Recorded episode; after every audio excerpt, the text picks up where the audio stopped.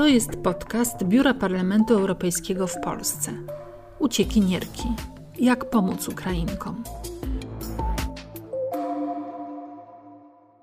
To jakby ranok był. To był ranek. Проснулась od тривоги. Syrena. Syrena zazwyczała w Lwowie. W Lwowie zaryczała syrena. To było coś dziwnego i wtedy poczułam strach. Mama do mnie zadzwoniła, zadzwoniła z Polski. Bo ja, nie włączałam internetu i to mama mi powiedziała, wojna się zaczęła. I mama każe, wojna, wojna zaczęłaś. I Wzięłam tylko paszport i komputer. Żadnej szczoteczki, żadnej odzieży, nic. Tylko komputer i paszport. Odeży, no, absolutnie nic, tylko komputer i paszport wzięłam. Ja Szybko pobiegłam do bankomatu, wszędzie kolejki i na stacji benzynowej kolejki. Do bankomatu i pojechałam, pojechałam, pojechałam do taty, do nowego rozdołu na peryferiach Lwowa.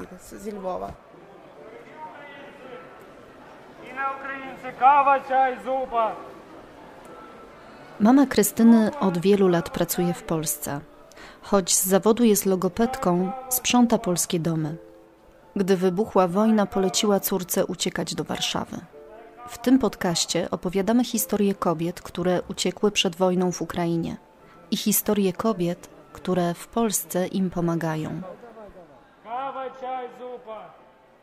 I got up uh, in the morning and wanted to do my daily things, and uh, my nephew told me, "Do you know what uh, the, that the war started?" I told, "Yes, I know because it's eight years already." Wstałam rano i zabrałam się za swoje codzienne obowiązki.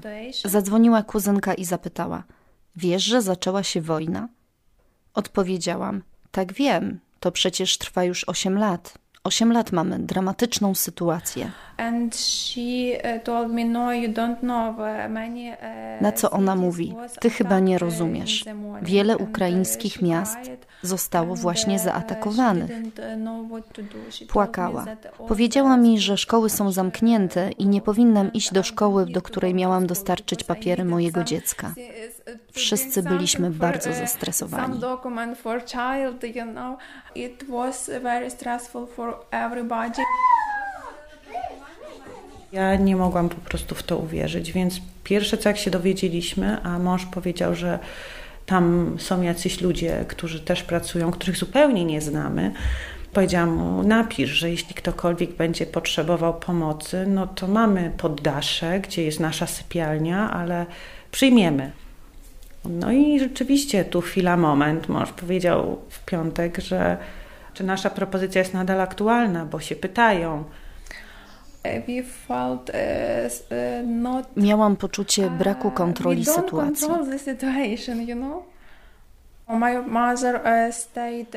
Moja mama została w domu. Ona nie chciała wyjechać, a my zdecydowaliśmy, że pojadę ja z dzieckiem. Ну страшно, ти дивишся, не можна, не можна було, це перша ніч е, 24, 25, чи 24 на 25. Не можна було спати, дивишся новини. І Pierwsza noc z 24 na 25 była straszna. Nie można było spać. Wiesz, że jest wojna i się boisz. I rozumiesz, że to jest takie nie do uwierzenia w XXI wieku. nie wierzysz, że to się dzieje, a potem uświadamiasz sobie, że jest jeszcze gorzej. I pani pojechała do taty. Tak, pojechała do taty. Nie mogła pani spać w nocy. Nie mogła. I co się potem stało? Wyjechała, pojechała na granicę. Ja potem wyjechałam, pojechałam na granicę. E, Wzięłam paszport. Zajechałam do Lwowa, ale nie do swojego mieszkania, tylko na no, dworzec. No nie do swojego mieszkania, a od razu do e, wokzalu zaliznicznej. W drodze, tak jak z wieloma Ukraińcami, także z Krystyną był bardzo nikły kontakt. W Warszawie czekała na nią mama. Przyjechała rodzina, córka przyjechała z mężem i z małym dzieckiem, a druga córka już 30 godzin e, dobierała się do granicy z Lwowa, tylko z Lwowa. и, и самоходом, и пехотов. Э, деньги людям же взяли їй вночі до самоходу, отпочила і далі піхотов до, до, до границі іде. Я ще не прийшла. Чекаємо. Нашла самоход, самоход, який мог отвезти мене меня... do granicy Polski. Znalazłam samochód, który miał mnie dowieźć do granicy z Polską, ale nie dowiózł. 20 kilometrów przed granicą była kolejka aut i trzeba było iść pieszo te 20 kilometrów. Piechotę dowieloś się te 20 kilometrów. Ludzie jeśli z kolaskami, z Ludzie szli walizami, drogą i czemodami, mieli ze sobą walizki na suмками, a po kółkach, drodze torby, torebki, reklamówki. I w pewnym momencie to wszystko rzucali na ziemię. Wезли, Już nie mieli siły викидали tego сумки, nieść. Викидали речі, викидали одяг, все так попри дорогу, бі- там біля лісу стоїть, бо ну, не могли стільки нести. A pani ile miała rzeczy? ja no nie mam, mam takiej na plecznik. Ja miałam tylko plecak, komputer, komputer, i wodę. Wszystko wodę. Pani sama szła? Sama szła, tak. Sama, no po, potem ja później to ja skontaktowała z, e, z dwoma kobietami. Takie, Później dobrałyśmy się we trzy kobiety i już razem, razem czekałyśmy na granicy. Najwięcej było Arabów, czarnoskórych, studentów, obcokrajowców. E, Cztery razy więcej niż tak Ukraińców. Ich razy więcej jak Ukraińców było na, na kordonie Може, в чотири навіть рази. Т- Тобто почалась паніка, е, вони себе так трошки Zaczęła się неадекватно panika, поводили. a oni podawali walizki nad barierkami i Стрибали, próbowali вони przez nie пускали, skakać. вони стрибали Po stronie через ukraińskiej забор. padł system informatyczny, Сумки кидали. ale nic nam nie powiedziano. Zabrali tylko Боялися. kobiety z Попала в dziećmi. момент, коли система Zamknęły się забита bramki, українська. a z tyłu napierał na nas tłum. Ludzie zaczęli panikować. Odezwałam się do pogranicznika, że jesteśmy tutaj trzy kobiety i że się dusimy. Na początku nas ignorowali, ale potem zaczęłyśmy piszczeć, krzyczeć, aż w końcu nas Sperшу нас wyciągnęli. так ігнорували, але потім ми, ми почали піщать, кричати, і нас, страж границі, нас е, витягнув з того натовпу. Скільки ви ще тут будете? Ми до неділі. У нас в неділі виліт, але в суботу ми маємо зробити той Кажіть тест. свою. Е, Але ви нам розумієте, що я не потрібно все тут. 400 Я не можу. Uchodźczynie z pierwszych dni wojny najgorzej wspominają czekanie na granicę. Płacz dzieci, zmęczenie i strach. My husband brought us to the border, but not very close, about 10 kilometers from the border. Mój mąż podwiózł mnie i dziecko bliżej granicy. Wysadził nas około 10 kilometrów od przejścia. He didn't want to, uh, he, he had uh, no choice, but he wouldn't uh, leave the country at uh, this so terrible time. On nie chciał i nie mógł przekroczyć granicy. Nie zostawiłby swojego kraju w takiej dramatycznej sytuacji. uh, to uh, To było przejście wyłącznie dla ruchu kołowego.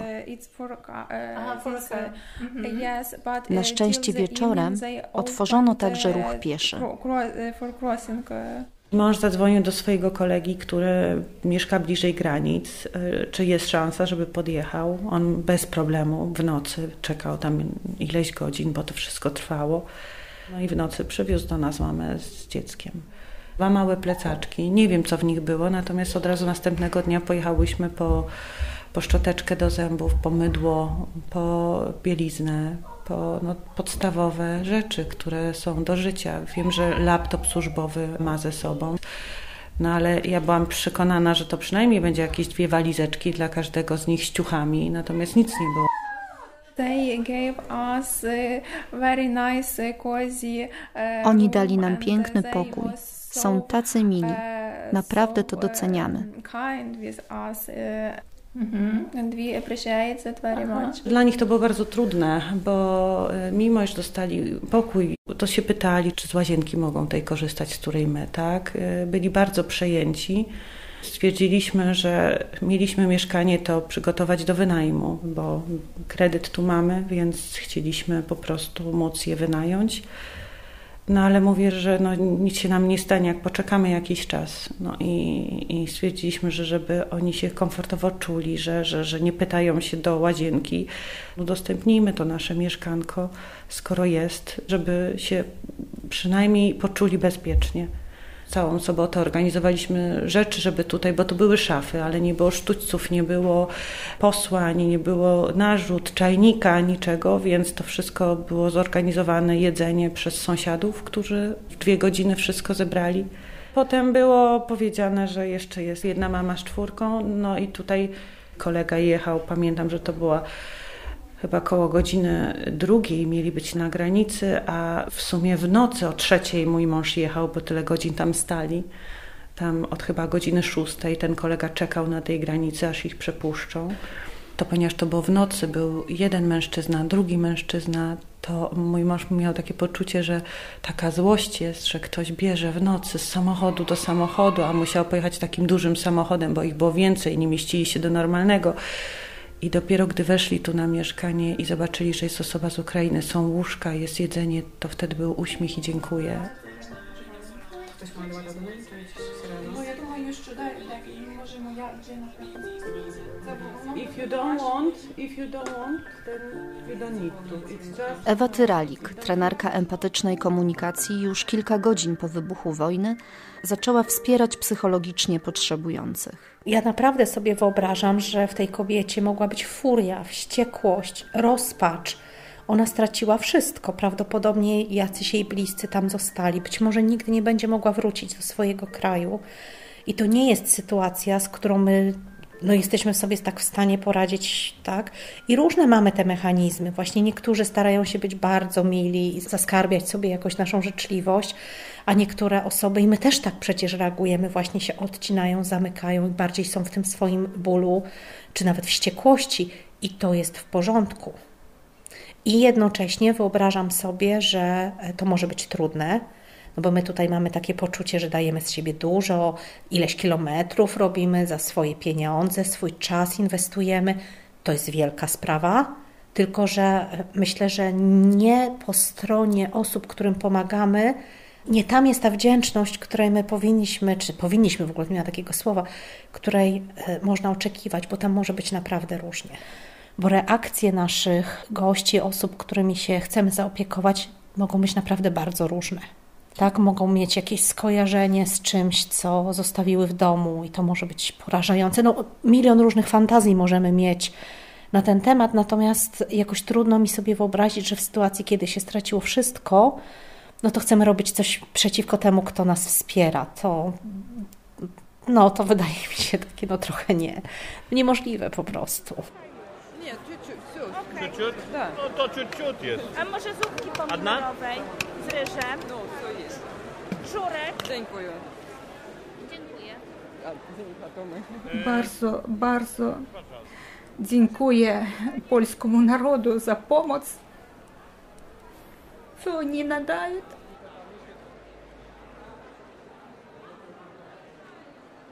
Bardzo szybko nas propuścili, przeszli paszportny kontrol. Polska bardzo dobrze przyjmowała Ukraińców, aż Przeszłam kontrolę paszportową. Polska dobrze przyjmuje Ukraińców, jest wielu wolontariuszy. Ludzie proponują mieszkanie, jedzenie, wodę, podwózkę.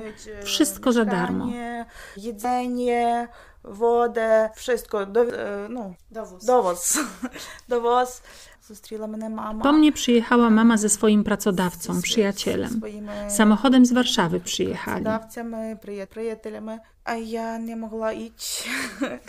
nie mogła iść, bo nogi takie były jak drewniane. Nie mogłam iść. Nogi miałam jak drewniane, bo dwie doby na nogach i 20 kilometrów na piechotę. kilometrów na piechotę przeszła to tak ja myślała, że coś mi tam stało, ale nie, odpoczęła. Wszystko dobre.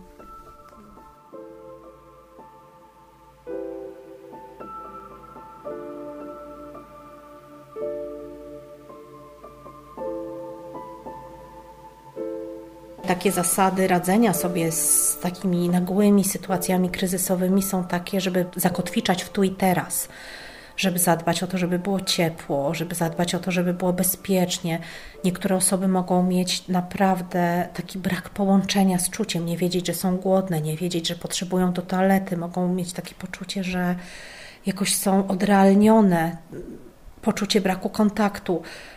To jest ważne, żeby zapewniać o poczuciu bezpieczeństwa i pokazać najprostsze rzeczy, tak? Tutaj właśnie jest łazienka, można z niej korzystać, proszę bardzo, kiedy pani potrzebuje, czy pan tutaj jest kuchnia, tutaj można sobie nalać wody, takie bazowe rzeczy, które nam się wydają oczywiste, w momencie, kiedy jesteśmy w takim rodzaju zamrożenia, takiej reakcji silnego stresu mogą naprawdę nie być oczywiste. I want to come back to my previous life and I will be so happy to have everything which I had before. Ja chcę wrócić do mojego poprzedniego życia. Byłabym szczęśliwa, mając wszystko to, co miałam. Gdybym tylko mogła żyć w moim kraju.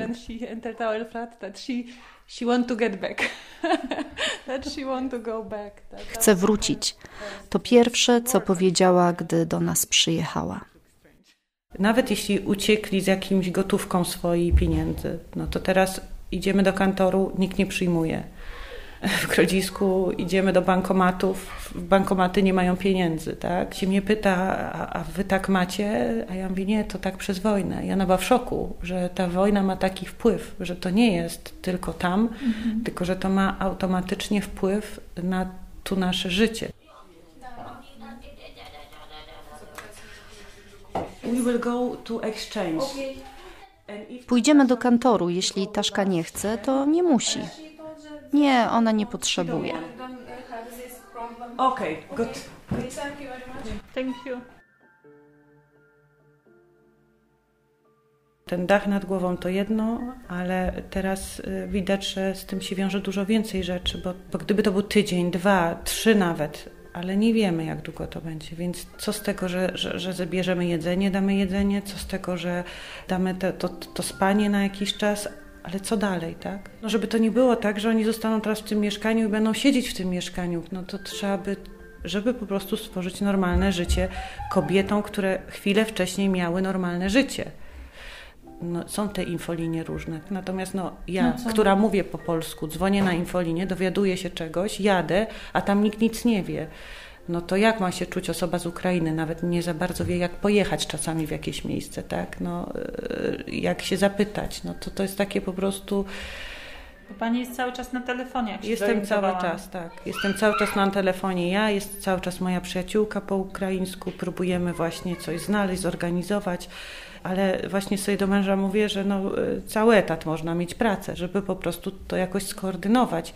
Bo ja rozumiem, że do jakiegoś momentu się doprowadzi i się usamodzielnią, ale zanim od dachu nad głową trochę takiej samodzielności, no to, to, to wymaga czasu i wsparcia.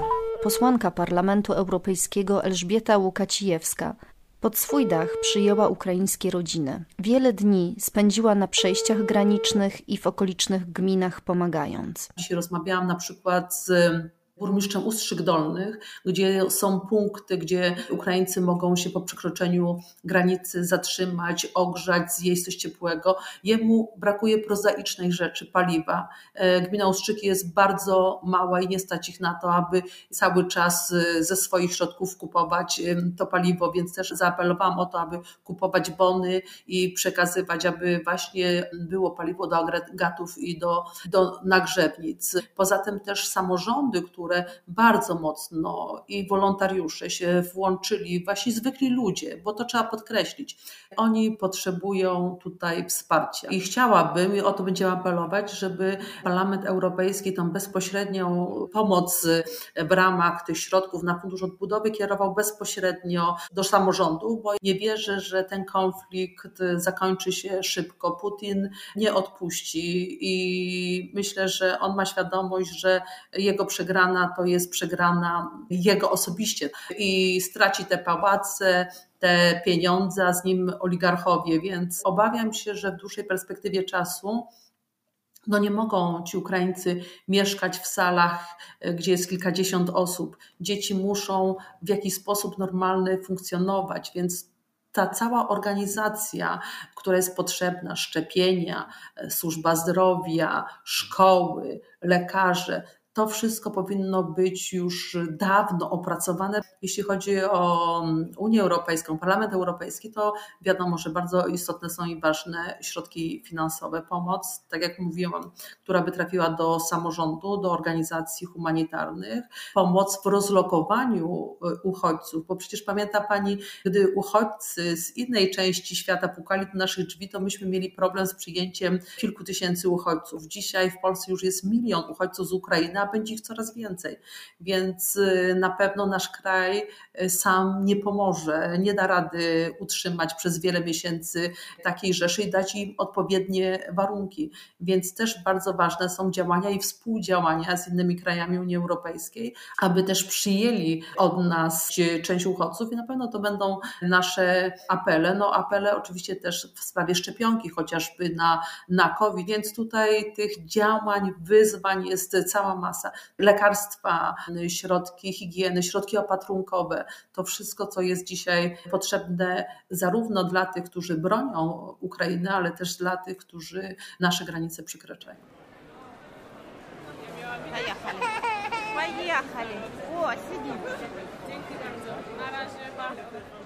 Nie wszyscy Ukraińcy chcą zostać w Polsce. Wielu z nich jedzie dalej na zachód. Inni, szczególnie mężczyźni w wieku poborowym, wracają na Ukrainę.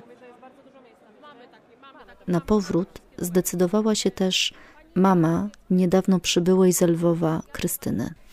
Bo ja zawsze nie mam koridoru. Dobra, to ja odkurzam ten e, e, kuchnię. Tak, kuchnię i tu twoja masz też, e, bo tu nagiła. Drapka, drapka. E, tak, to, e, to gdzie ma być? Dlaczego pani chce jechać? Szczere, pani Kasia. Dusza wolaje. I chcę pomagać tam. Naprawdę chcę pomagać. Bo e, czuję się niedobre, jak ja tutaj, mnie tu dobre, a tam nie wiadomo, co się dzieje. Może będę pomagać ranionym ludziom, soldatom.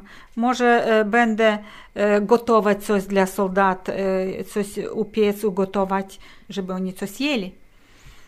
No, może będę pleść sieci takie, sieci dla blindażей. Nie wiem, mama хоче вертатися. Вертається і до тата, і, і до тварин, до, до звірят, bo... Mama chce wracać i do taty, i do zwierząt, które mamy, bo nasze. I to nie można tak zostawić. Бо наше не, не, не годен так zostawić. Я розум, розумію, що хоче бути разом там зі своїми. Бо тут сидиш, тут і niby straszno, ty, ja вже... Ja rozumiem, że ona chce być razem ze swoimi. Tu siedzisz i tu nie jest strasznie, tutaj bezpiecznie. samozwanka, bo zostawiła swój naród i tak... Ale czujesz się jako szóstka. To znaczy, jesteś bezpieczna, ale tylko dlatego, że zostawiłaś twój naród. I dlatego chcesz dopomóc. Ale, ale narod, narod zostawiła tam e, druzi i... Tam ma przyjaciół, tam jest tam mój tata, jej, no, jej mężczyzna. Mój tato, jej człowiek. Jak pani mąż zareagował na to, że pani wraca? No, no jak? On e, będzie zadowolony. Jasne, że będzie zadowolony. Bo e, żona koło niego będzie. To on zadowolony? No jasne, że będzie zadowolony. Każdy mąż będzie zadowolony, jak żona koło niego. A? No nie? Ja to myślałam, ja... że on teraz pisze, żeby pani nie przyjeżdżała. No nic nie mówię, prosto mówię jak chcesz, jak chcesz. Ale ja, ja, ja nie mogę tak, naprawdę.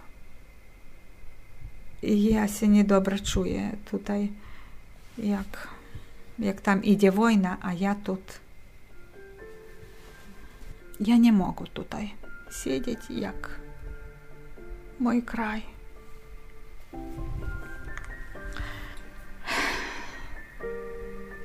Wie pani jak mój kraj ginie.